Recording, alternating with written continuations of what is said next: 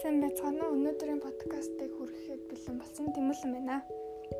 Олон улс болон олон улсын төрийн бас байгууллага. Олон улсын байгууллага нь хоёр ба түүнээс дээш тооны улс өөрсдийн нийтлэг ашиг сонирхлоо хэрэгжүүлэхийн тулд хамтарч байгуулсан байгууллага болно. Тэрхүү олон улсын байгууллагууд нь олон улсын эрх зүйн хэм хэмжээ болон өөрийн байгууллагын дүрм журмын хүрээнд үйл ажиллагаагаа явуулах ёстой.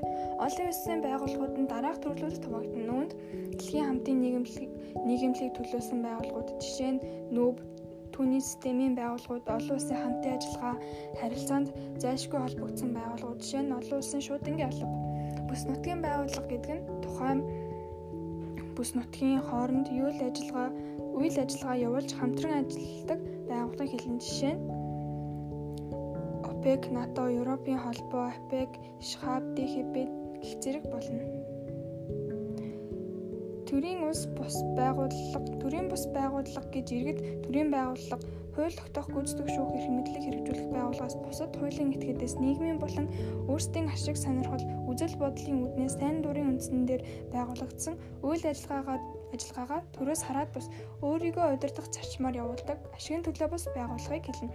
Монгол улсын иргэн төрийн байгууллагаас бусад хуулийн этгээд төрийн байгууллагаас зөвшөөрөл авахгүйгээр өөрсдийн ашиг сонирхол үзэл бодлын үүднээс дангаараа буюу хамтын хамтран төрийн бус байгууллага байгуулах хэрэгтэй байдаг төрийн бас байгууллага байгуулах иргэдийн эрхийг хуулиар хууль бусаар хязгаарлахыг хориглодог.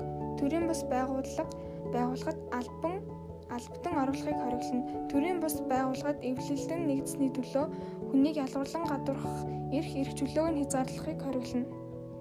Төрийн бус байгууллагад эвлэлдэн нэгдсэний төлөө хүнийг ялгарлан гадуурхах эрх эрх чөлөөг нь хязгаарлахыг хориглоно.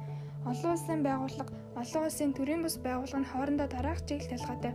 Бүтэц зохион байгуулалтын хувьд зорилго чиглэлийн хувьд үүсгэн байгуулагчийн хувьд харилцан адилгүй байдаг байна. Олон улсын байгууллага олон улсын төрийн бус байгууллагыг үйл ажиллагааны цар хүрээ үүсгэн байгуулагч харин дараах байдлаар ангилна. Үйл ажиллагааны цар хүрээг нь глобал буюу олон улсын галийн шүүх нүүб НАТО эвсэлт үл нэгдэх хөдөлгөөн, исламын улсуудын чуулга улс гэх мэт бол бүс нутгийн түвшинд Европын холбоо ШХАБ, АПЕК, ХАСЯГ харин үүсгэн байгуулагчаар хувь хүн Жорж Соросын байгуулсан нээлттэй нийгмийн хүрээлэн Аль-Каида бүлэглэл гэх мэт олон улсын хамтран байгуулсан болохоор Евразийн эдийн засгийн холбоо гэх мэт олон улсын байгууллага нь хязгаарлагдмал хүрээнд зөвхөн өөрийн үйл ажиллагааны зорилготой холбоотой асуудлаар эрх зүйн чадамж эдэлдэг.